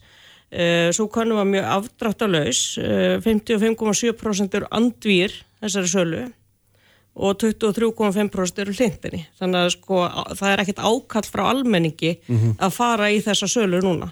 Þvert á móti að þá er fólk ennþá með svona um, sár eftir uh, bankarhunnið fyrir tíu ára síðan. Uh, við vitum það að uh, ef að uh, illa gengur, ef að við hleypum hérna glæfræðilegum fjárfæstingum að stað uh, að gamla með bankan okkar, að þá löndu það í fanginu okkur og við höfum fundið á eigin skinni hvað það getur verið sárt. En nú eiga Þannig að- 65% og ráða þessu öllu saman Já, en ekki- þetta er eitthvað svona upphafa einhverju vegferð sem já. þarf náttúrulega að hugsa mjög vel. En finnst þér ekki Þannig að það er ekki trausti færa- staða Nei, nei. til að fara í þetta. Nei, nei, en myndur ekki segja að það væri góð leið að færa þessa ríkisegni yfir í eitthvað annað sem að hérna kannski svona nýtist okkur betur í, í hérna viðspyrnu við Já, komum við, við hefum bara alveg eftir að ræða það og það er Já. líka annar punktur sem að sko, og þess vegna höfum við vilja ræða bara bankakerfið í heilsinni Aha. uh, og, og finnst það nöðsilegt að það eru farið í þessa vegferð. Uh, síðan er annar punktur og það er eitthvað sem að sérfræðingar sem að tala við koma að aftur og aftur að það er sko hversu burðu, burðuðar eru eftirlit stopnarnir okkar uh, til þess að koma í veg fyrir að við förum í einhvern uh, nýjan darraðans og þar má benda á að samkemmiseftiliti á að vera með greiningu á krossegna og, og flóknum viðskiptum og svo framvegis og opebera þá. Það verður ekki verið gert síðan 2001 uh, slíka skýslur fjármál eftirliti byggi þá einhver leiti á þeim skýslum og að eftirlit með sko áhættu í, í svona hérna, uh, hérna umsýslu Þannig að uh, þetta eru ábendingar sem við höfum fengið mjög, mjög stert að við höfum bara ekki nógu burðugt eftirlitskerfi til þess að koma í veg fyrir mistök sem voru okkur svo óbúslega dýrkjæft síðast. Smári, þú hefur hérna talað um að ferli sé ekki gott út eða byrja að tala um ferli á þannig að fara að stað það sé ómulögt ógagsætt og, og ég veit Jú, jú. ekki hvað og hvað ha. Já, algjörlega, það er sko, ef maður eh, nú er, ef maður horfir á þessa könnun sem að sílit gera og, og bara svona almennt, þá er ekki mikil eftirspurn eftir þessu. Það er, eh, það, eh, það er greinilegt að þetta er runni svona enga áhuga mál sjálfstæðismanna að gera þetta. Og, og sjálfstæðisflokkurinn hefur talað um það í, í bara sinni mann eftir mér að það er einhvern veginn að reka ríkið eins og fyrirtæki. Ef maður ímyndir sér fyrirtæki sem ætti dótturfyrirtæki sem ákveða að selja það út frá hugmyndafræðilegum ástæðum að bara það ætti ekki eiga svona dótturfyrirtæki. Sko í fyrst lagi það er ótrúlega asnlegt merki út á markaðin að maður sé að selja hlut af hugmyndafræðilegum ástæðum að, að maður sé að uh, vilja bara losna við það. Þá er maður aldrei að fara að fá gott verð fyrir. Í öðru lagi sko hugmyndafræðilegur ástæður eru rángar ástæður til þess að selja svona hlut það getur verið að það sé ákveðið motivation fyrir því að, að fara í íhuga það. En það sem að er rétt að gera í svona stöðu ekki er að afsk, afskrifa það að menn geti haft á pólitísku Já. sín að ríkið eða ekki eitthvað Al, fjármál algjörlega og ég, og ég er sammálað þeirri, þeirri hugmynd. En réttlega til þess að gera þetta er að maður setur upp ákveðin skilirði uh, sem uh, svona í rauninni svona checklisti sem að þar sem öll atriðin þurfa að vera uppfyllt og þá fari ferli sjálfist að stað. Frekar heldur en að, að ákveða nú fer ferðlega stað út frá einhverjum hugmyndafræðilegum uh, daðri og sérstaklega uh, þegar hugmyndafræðilega daðrið er ekkert annað en nú er að fara að koma kostningar og við verðum að fara að losa okkur við þetta. Vegna þess að það, það, það, það er bara svo klunnalegt og ef maður horfir á það er margt rétt sem Móli Pjörn sagði að, að uh, efnaðslugu fórsendunar eru ekki alls slæmar fyrir þetta og uh, allir sem komi fyrir efnaðsluguskipnend sögðu meira að minna að þetta væri ekki endilega hættulegt. Nei. en það var enginn sem færði rauk fyrir því að þetta væri eftirsóknarvert. Aha. Þetta er ágættis lokaorð í þessu óli. Er þetta eftirfrúnavert? Vegna þess að nú er þetta þannig að hérna, ríkja á þess að tvo banka þeir skýra náttúrulega mjög góði ríkis og þetta landsbankin sé búin að borga arð núna í fimm ára svona 120 miljardar króna. Já, en Bara svo dæmi sér tekið þú sko. þekkir það jafnvel og ég Kristján að, að það er argræðslu sem að voru hér á árum áður mm, frá böngunum þessu tveimur byggðust ekki á reglulegri starfsemi nei. Heldur á hérna, verðmæta aukningu þeirra eigna sem að bankarnir yfirtóku og svo framins. Þannig að það, það er engin vísbendingu um það að bankarnir í rauninni má halda því fram að arðsemi bankana sé ekki nægilega mikil. Af ímsum ástæðum. Eina ástæðan er svo að það er kannski umfram fjármögnu þessara banka og svo framins. Sko, um, menn verða líka að svara þeirri spurningu og mér finnst að ASI verða að svara þeirri spurningu og hefði kannski átt að spurja þeirra spurningar hjá Kallu er almenningu tilbúin til þess að binda 350-400 miljardar í áhættusömu fjármálakerfi eða nýta þá fjármunni með öðrum hætti sem hérna, þjóna hagsmunu landsmanna betur, svo sem í sjúkurahúsum, mentastofnunum, vegum og svo framvegis, eða jafnvel að koma í vekk fyrir það að skuldir sem að börnin okkar erfa frá okkur verði ekki jafn miklar og annars. Þetta er auðvitað kostin þess að stöndu frammi fyrir. Og mér finnst það líka ábyrða hluti frá hendi fósetaðis í að tala með þeim hætti sem að gert er hér að grafa undan trúverðuleika eftirlitstofnana eh, sem gert er. Þegar að ljóst er að allir, allt regluverk, lög, lagasetning hér hefur verið eh, skert mjög mikið eftirlitsstofnanir, sérstaklega fjármála eftirlitið, stendur sterkara víi með fleiri vopn uh, í vopnabúrinu uh, hefur alla burði til þess að sinna því eftirliti og komi vekk fyrir til dæmis áhættu sækna uh, stöðutöku fyrirtækja það er búið að, að setja hér mjög skýra reglur varðandi þær kröfur er gerðar eru til þeirra sem fara með virka eignarhluti og þeir þurfa að uppfylla mjög strángar kröfur mm -hmm.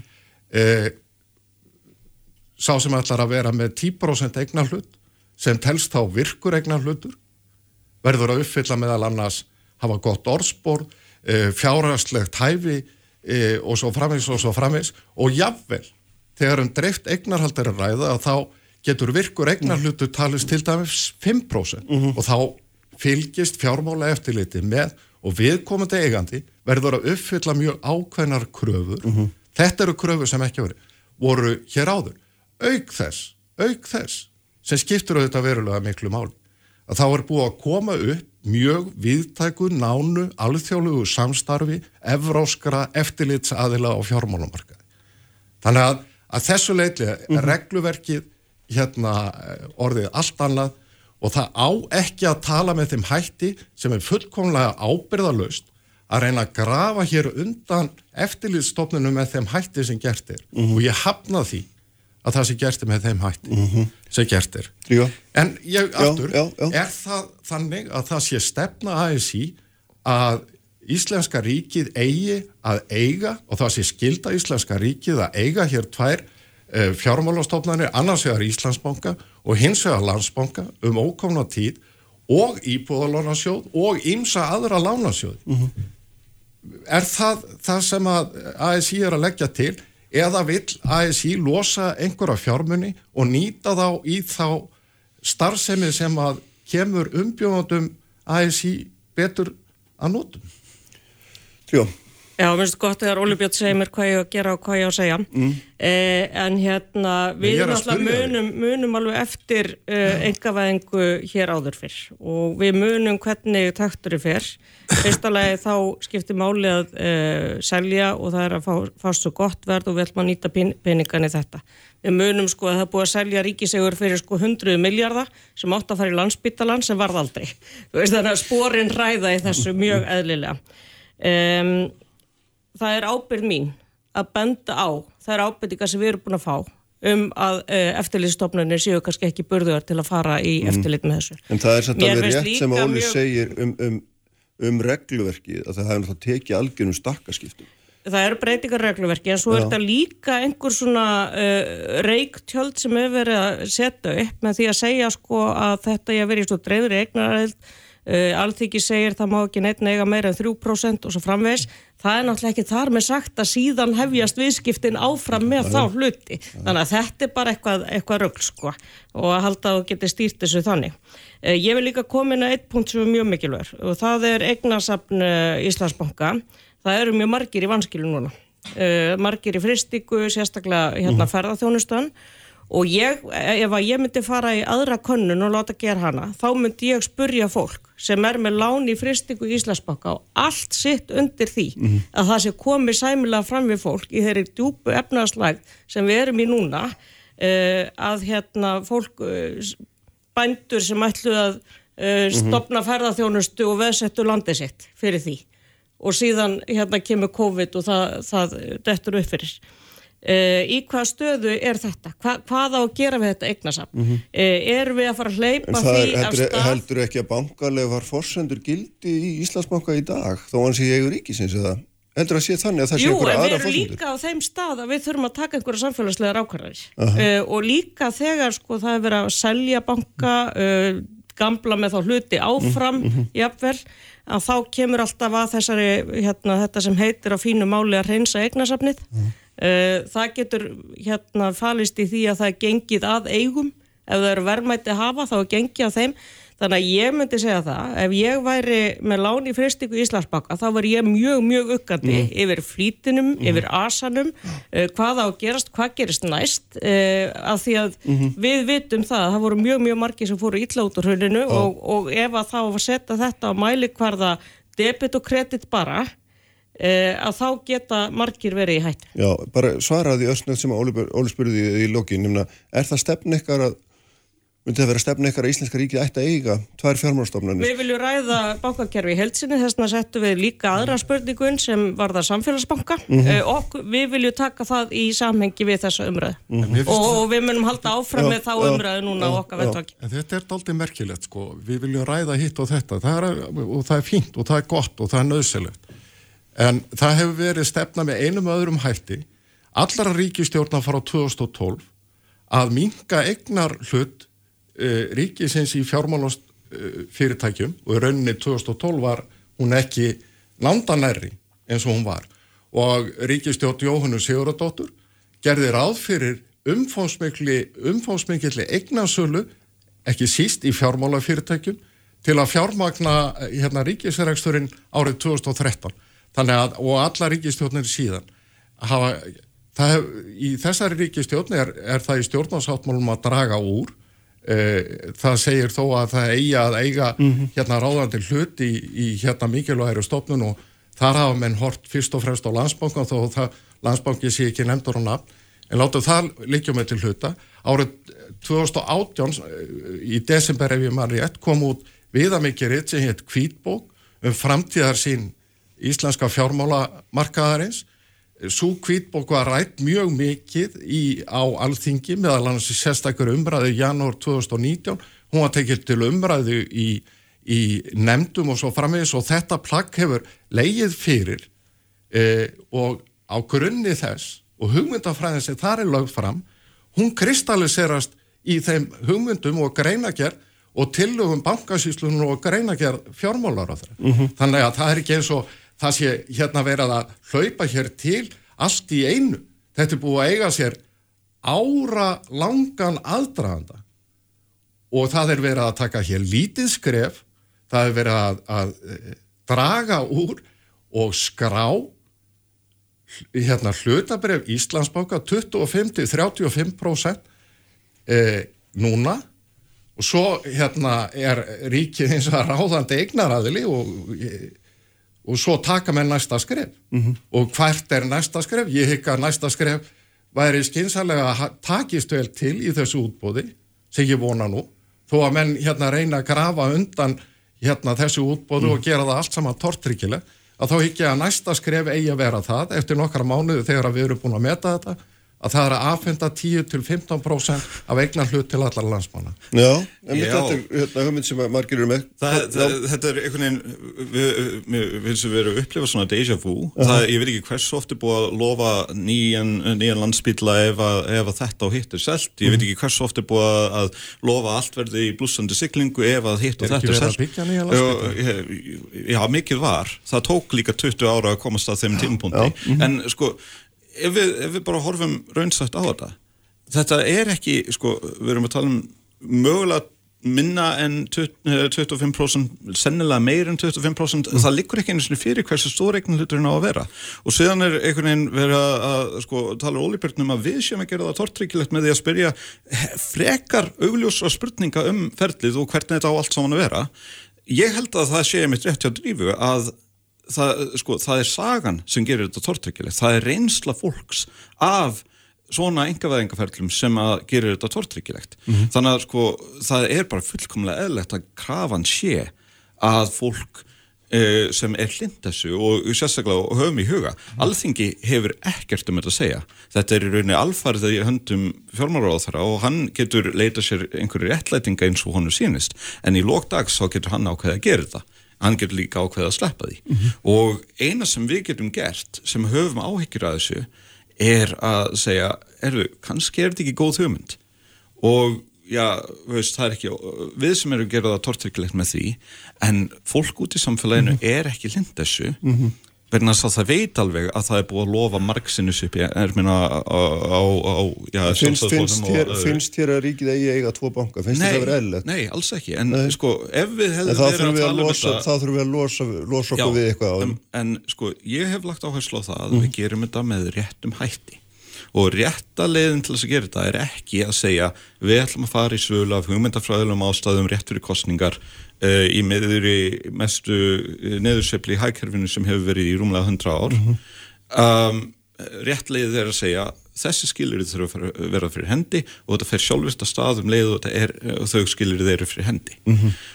Þau skilir þið eru ekki fyrir hendi núna. Jú, hagkerfið er, það er vissulega mikið að gerast á hluturbregamarkaði en það er fullt af öðru sem, sem er ekki í lagi, fyrir utan það að fólk í samfélaginu er ennþá brent af því að það var hrun sem vekti tiltrú fólks á stjórnmálunum, á hagkerfinu á engaveðingaferlum og svo framvegis.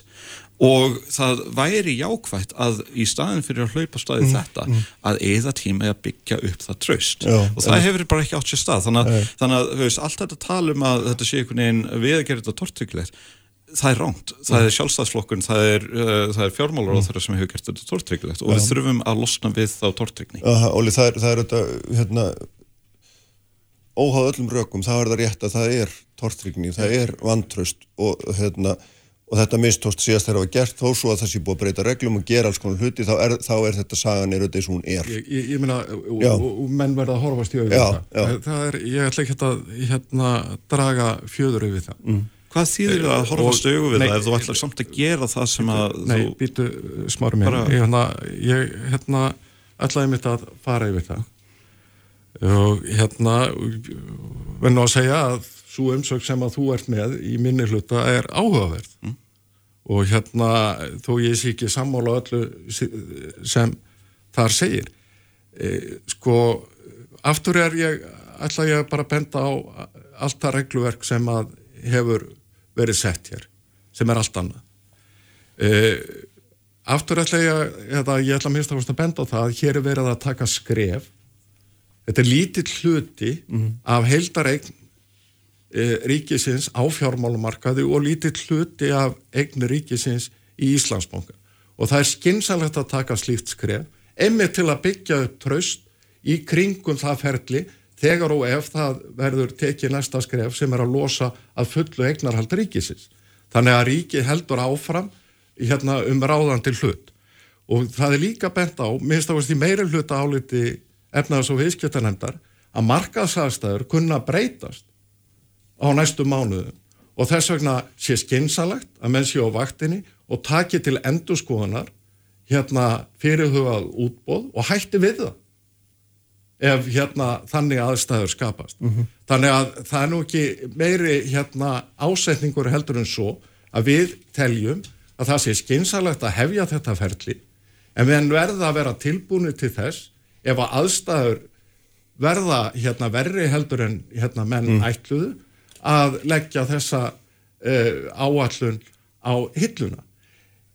En ég sé ekki annað en að menn verði að hafa þrek og kjark til þess að taka þetta litla skref emmitt, emmitt til þess að sína fram á það að regluverkið virkar, regluverkið er gott og það er hægt vegna þess að við höfum séð að litlir fjárfæstar, einstaklingar og aðrir hafa orðið áhuga á íslensku hlutabriðamarkaði við höfum að byggja undir hlutabriðamarkaðin og þetta litla skref getur einmitt orðið til þess að eigða þessari tortrykni sem ríkir og ég skil að hún sé til staðar. Drífa, Já, það er nú ekkert sem hækka blóðþristingin hjá sjálfstæðismönnum samtökum atvinnlýsins og viðskiptaráði eins mikið þessa dagana eins og þegar Sala og Íslandsbakka ber að góma. Eh, Þetta er hugmyndafræðilegt, það á að kerja þetta í gegn. Það er svo tilfinning sem við sittum öll uppi með og það má ekki gerast. Það- Við höfum farið þessa vegferð áður. já, en þetta er pólitísk sín og, það, og það er ekkit, það er ekkit aðtöðavert við að hafa þá pólitísku sín, er það að ríkið eigi ekki eiga fjármálafyrirtæki, ég meina það er bara pólitísk Já, sín. þá skulum við bara segja það að Já, þetta er eitthvað sem á að mm, gerast já. fyrir kostningar og þá ekki að vera með almenn umröðum í samfélaginu. Eh, Það var ákveð að fara í þetta ferli í mjög miklum flýti. Mm Mhm. Alþingi var gefið mánuður til þess að klára þetta. jólafrí, Bankasýslunni í jólafrí. Mhm. Uh, hvers konar vinnubröð eru þetta eiginlega? Uh, þannig að ég bara, þú veist, það fara öll viðvörun að ljósa í gang í þessu ferli, Mhm. uh, hvað á að flýta sér, uh, hvernig þetta er illa undir byggt og svo framvegist, þannig að ég bara, og, og síðan bara uh, ætla ég að ítreka það, uh, könnun eftir könnun sínir, það er ekkert ákall frá þjóðinni að fara í þetta. Þrátt, uh, þvert á móti það er bara mjög mikil tortrygni og það er eins gott að vanda sig og gefa þessu rými í umræðinni.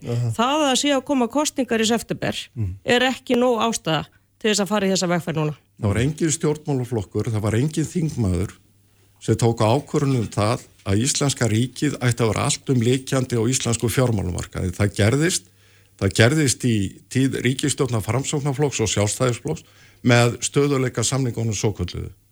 Og það hafa, þvert á móti hafa flestir stjórnmálaflokkar haft að stefnusgrá sinni að losa um eignarhaldi ríkisins. Það hefur ekki verið pólitíst ágreiningsstefni. Það er gert núna með þeim hætti sem það er gert og þá hérna tökumst við á um það.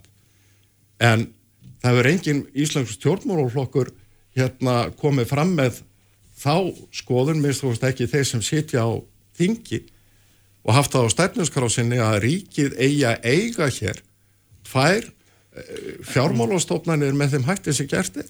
En, En sko, eldsnögt svo fyrir já, bara, sko, hvers vegna vorum við ekki eiga þetta samtali fyrir þreymur árum þegar allt var í blissandi uppgangi? Hvers vegna, uh, sko, þá allavega hefðu við getað uh, haft þetta samtal á öðrum forsendum en nú er að fara að koma kostningur og sjálfstæðsflokkurinn vil selja. Ef við værum að, að nálgast þetta á eðlan hátt, þá myndi þetta allt saman snúast um það að, uh, að sko, bara hver er staðan á, á fjármálamarkaði? Og staðan er reyndar svo að það er bara virkilega stort apparat sem þarf meiri eignir, það er lífeyrisjóskerfið við höfum aldrei geta talað um struktúr þess og hvernig það kerfi getur ekki staðist til lengri tíma. Ég veit að það er miklu lengri sam samtal en, en, en bara í alveg talað, ef við ætlum að tala um fjármálakerfið í raun, þá verðum við að horfa á á, á það líka. Já. Já, fínt, við ljúkum þess að þessum opnum nótum. Takk fyrir að koma, Smári Drífa og Olbjörn. Og Halla Þorvaldsdóttir verður hérna hjá hann eftir augnablik. Uppspretta frétta á Sprengisandi á Bylgjunni Allan daginn Hvar sem er, hvenær sem er, bylgjan. Bylgjan Sprengisandur á bylgjunni.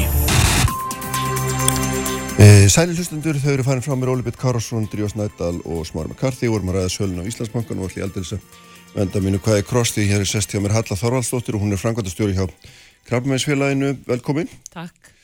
e, Sko, þannig að maður leggur saman svona nokkuð mál, það er hérna annars er þetta brjóstaskimunamál sem var nú mikið í deglunni fyrir svona viku tíu dögum.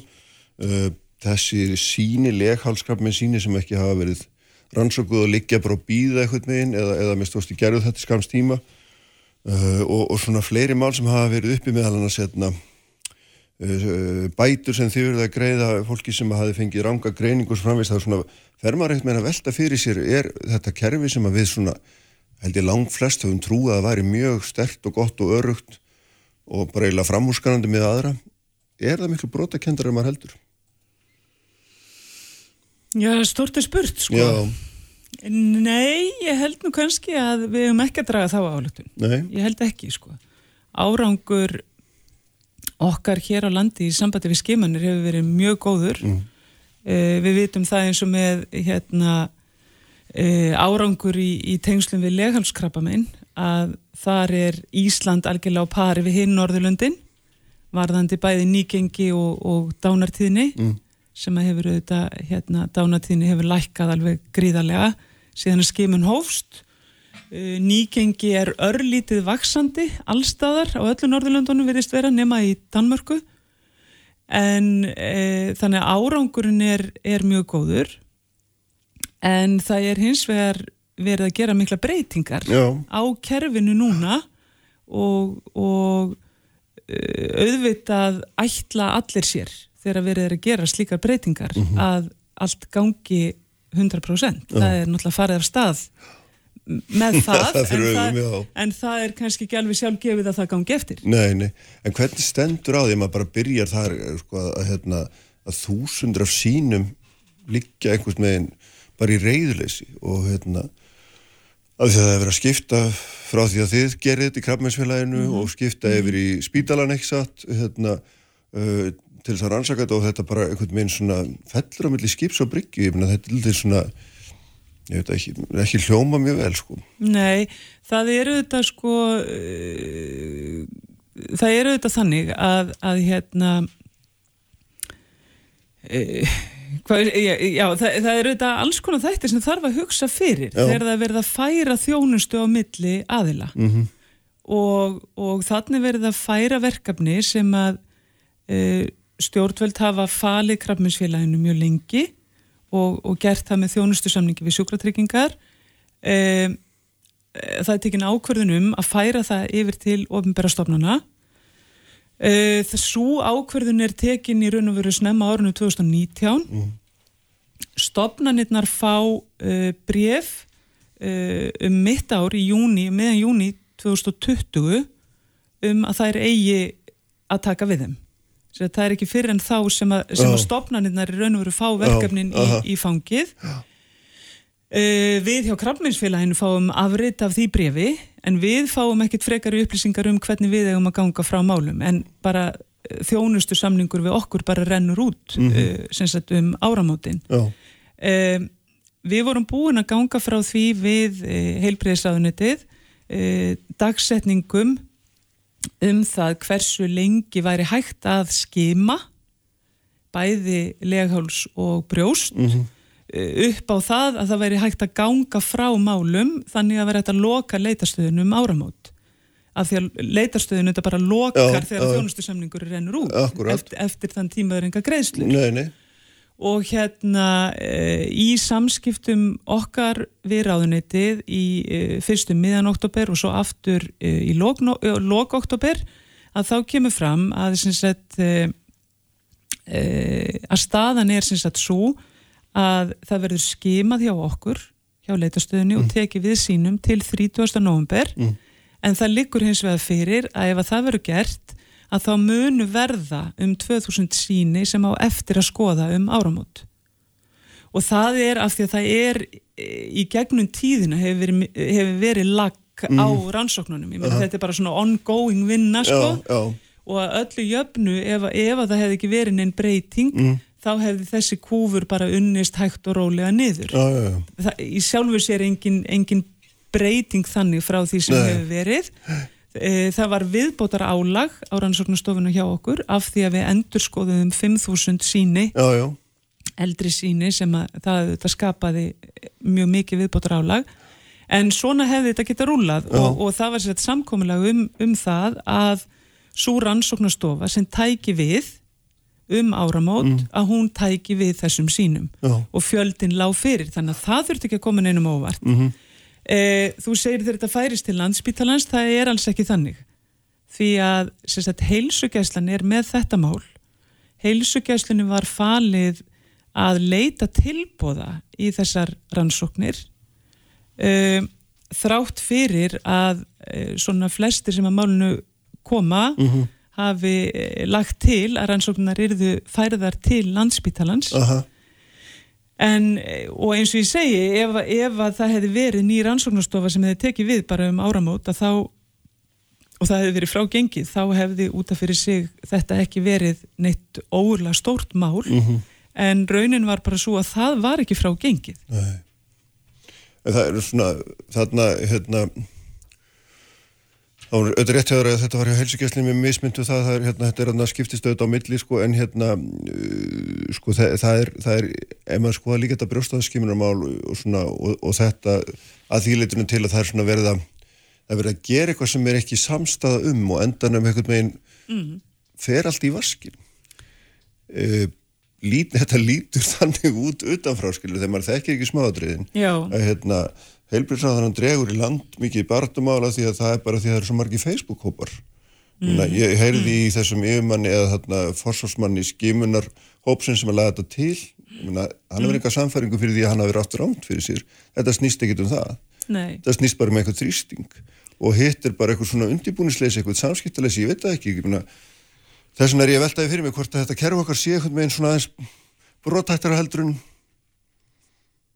maður hafði ætlað Já, ég held að þetta hafi ekki verið brotætt, sko. Nei, Ég, ég, lefi mér að fullir það. mhm, En, en eins og ég segi það er, það er verið að gera það er verið að gera miklar breytingar grundvallar breytingar og e, ég er alveg sannfærð um það að verkefnið var stærra og umfangsmeira heldur en fólk almennt gerði sig grein fyrir og hefði þurft miklu meiri undirbúning það, ég held að það sé fyrst og fremst staðan. Já, og, og e, krabbaminsfélagið var búið að tala um það í langan tíma því að það eru þetta umræða um breytingar á skimuninu, hún eru þetta búin að eiga sér stað í tölvunan tíma.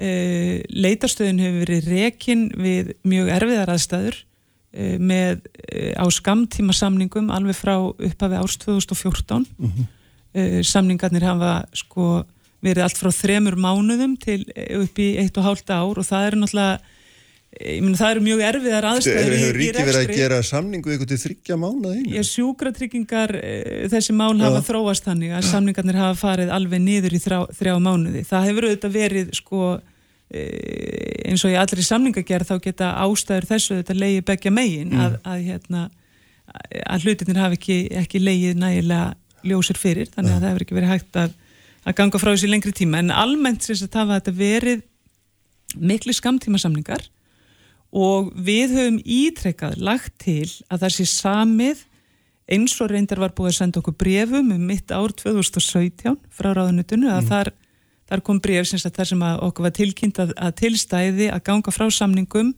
um skimununa e, til 3 til 5 ára.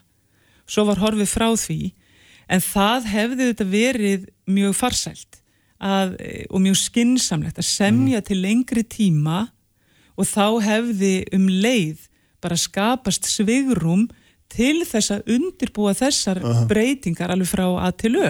Greina verkefnið bara ítarlega, reyna átta sig á því hvaða kerfi þurfa að tala saman þegar þetta er komið inn á margar stopnanir, hvaða rafrænu lausnir þurfa að liggja fyrir, hvað er einhver áhætta? Það getur þetta En er verið alls þetta konar... allt ógreint sem þú ert að nefna? Ég, ég hef allavega ekki séð greiningu á því sko.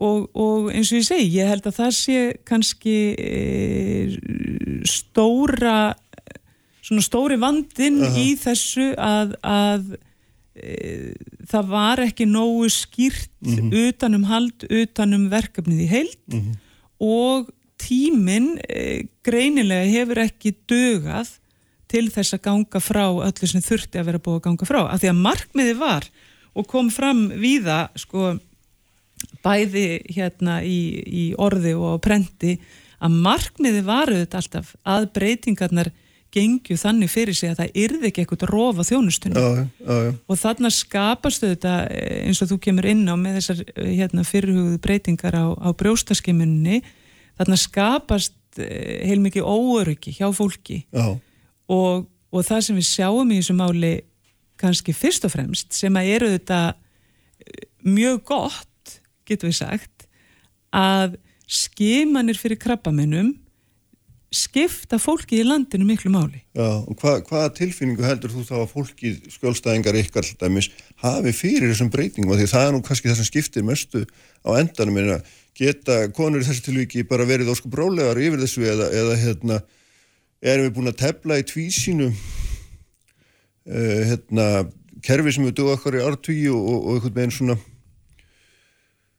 farið úr öskun eldin ef svo maður segja mm, ég myndi aldrei ganga svo langt að segja það Nei. ég held ekki, ég Nei. hef enga trú á öðru heldur en að, að hérna uh, að það verði hægt að, að haga hlutunum þannig að þeir verði til fyrirmyndar eins og Já. það hefur verið hingað til og, og ég held að, að konur hafi ekki ástæði til þess að vantreista þessu kerfi.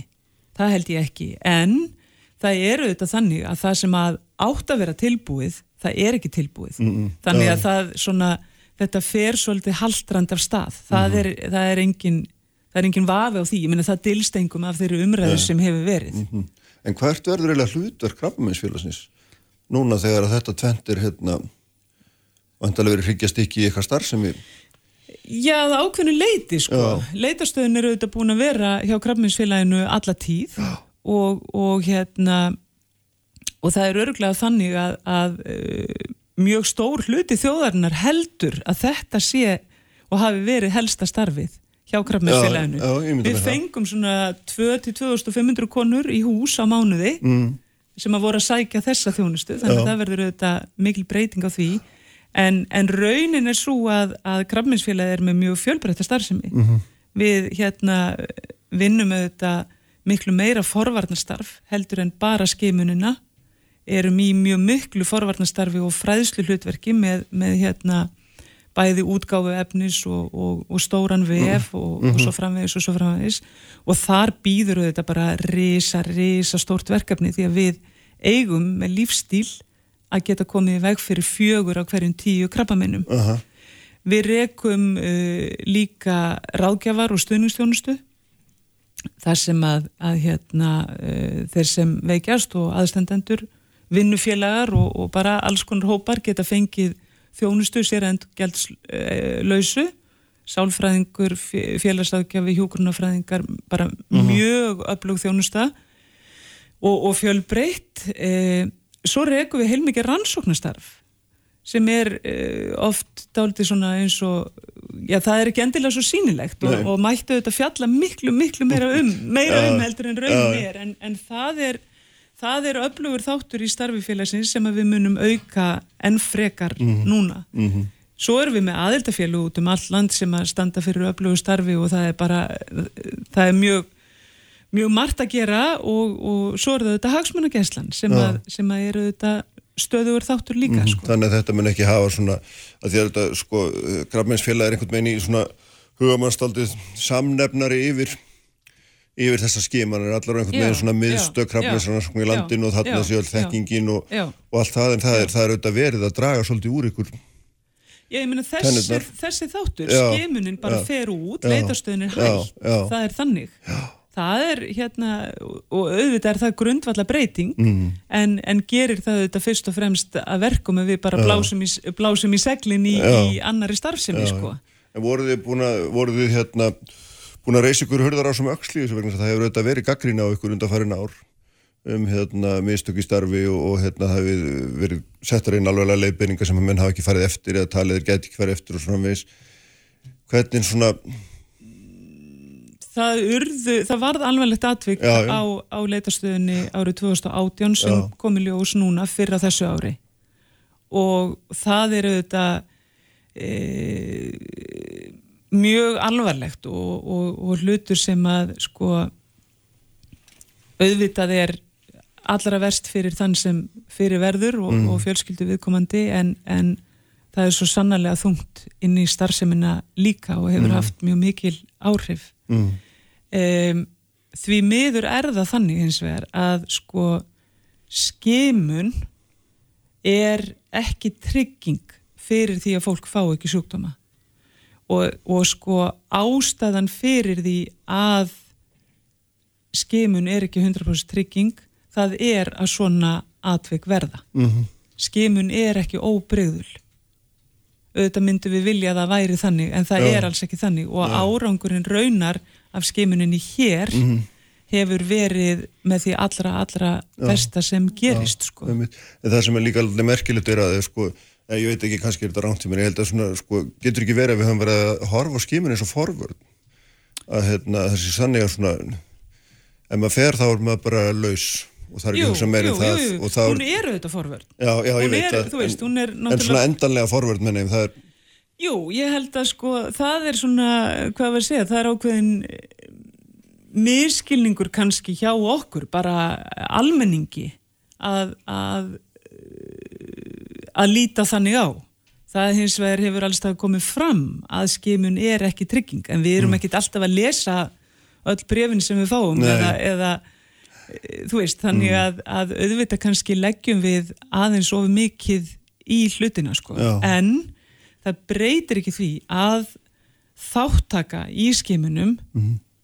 að hún dregur verulega, mjög Já. verulega úr líkum á því að við veikjumst af þessum sjúkdómum og Mm. þess vegna er það náttúrulega svo mikilvægt að, að konur taki þátt Já. og ég vona sannarlega að hérna, af því að við vorum búin að vera í miklu átaki varðandi það að auka þáttöku síðan haustið 2018 sem skilaði mjög miklum árangri Já.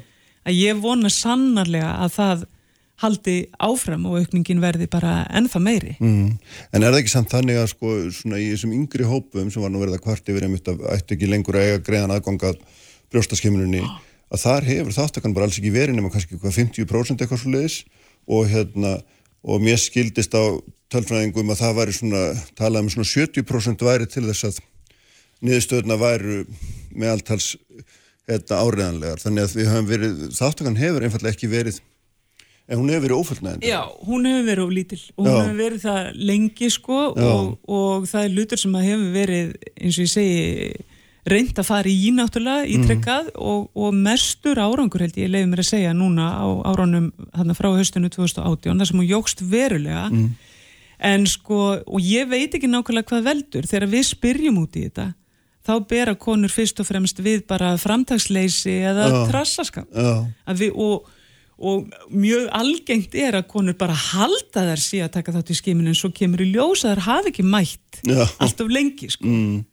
þannig að við, tíminn líður oft hraðar heldur, en, Já. heldur en að Já. uh, okkur finnst já, sko. já, já. En er einhver, er einhver líkur að þetta muni breytast þegar að þetta verður komið, komið annað verður eitthvað aktívar leita eða náði fólk eða hvernig ég veit nú ekki til þess en ég bara, ég bara vona það. Ég bara vona það líka öll þessi umræða og sko hvað var að segja, þessi eldmóður sem, að- sem að koma upp þarna þegar það á að fara að ræða breytingar ég vona Já. að hann skili sér í því að konur bara hugsi, þú veist mm. það er ekki nóg að berjast fyrir því ég verða að nýta það líka, sko, nýta tilbúðið við skulum ekki gleyma því eins og með legalskrabba minna það er bara einn algengasta dánarósug kvenna þar sem að sem sagt, í þeim löndum sem standa uh, hérna verulega veikar heldur en í hennum vestræna heimi okkur býðist þetta þannig að við skulum sannlega nýta það. Já, kom ykkur á óvart hversu svona, þessi andstaða við breytingar á viðmiðanum í brjóstaskiminu voru kröftuðar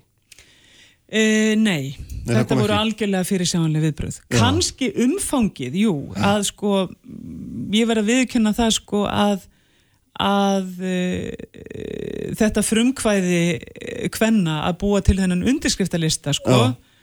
það voru náttúrulega ævintýralega viðbröð sko, uh, sem að ég hefði ekki endilega spáð fyrir um, en, en það máttu allir vita að svona breyting, hugmynd að svona breytingu, hún kallar á rosalega viðbröð. Já. Þetta er svo tilfinninga þrungi mál. Einna hverjum þremur Íslendingum greinist með krabbamein. Mm. Hinnir tveir eru aðstandendur, þannig að máli varðar alla. Já, einmitt. Ljómandi, við komumst ekki lengra Halla, takk fyrir þetta. Takk. verðum að láta sprengisandinum lokið í dag. Ívar Davíð Haldursson stýrði þetta útsendingu eins og hann gerir alltaf. Allt efnið er á vísi.is og bilgjam.is og svo má líka finna ykkur. Finna okkur ætlaði ég að segja. Finna okkur hvar, hvar vetna það sem þið finnir hlaðvörpin ykkar. En svo verðið með ykkur hér aftur eftir viku, verðið sæl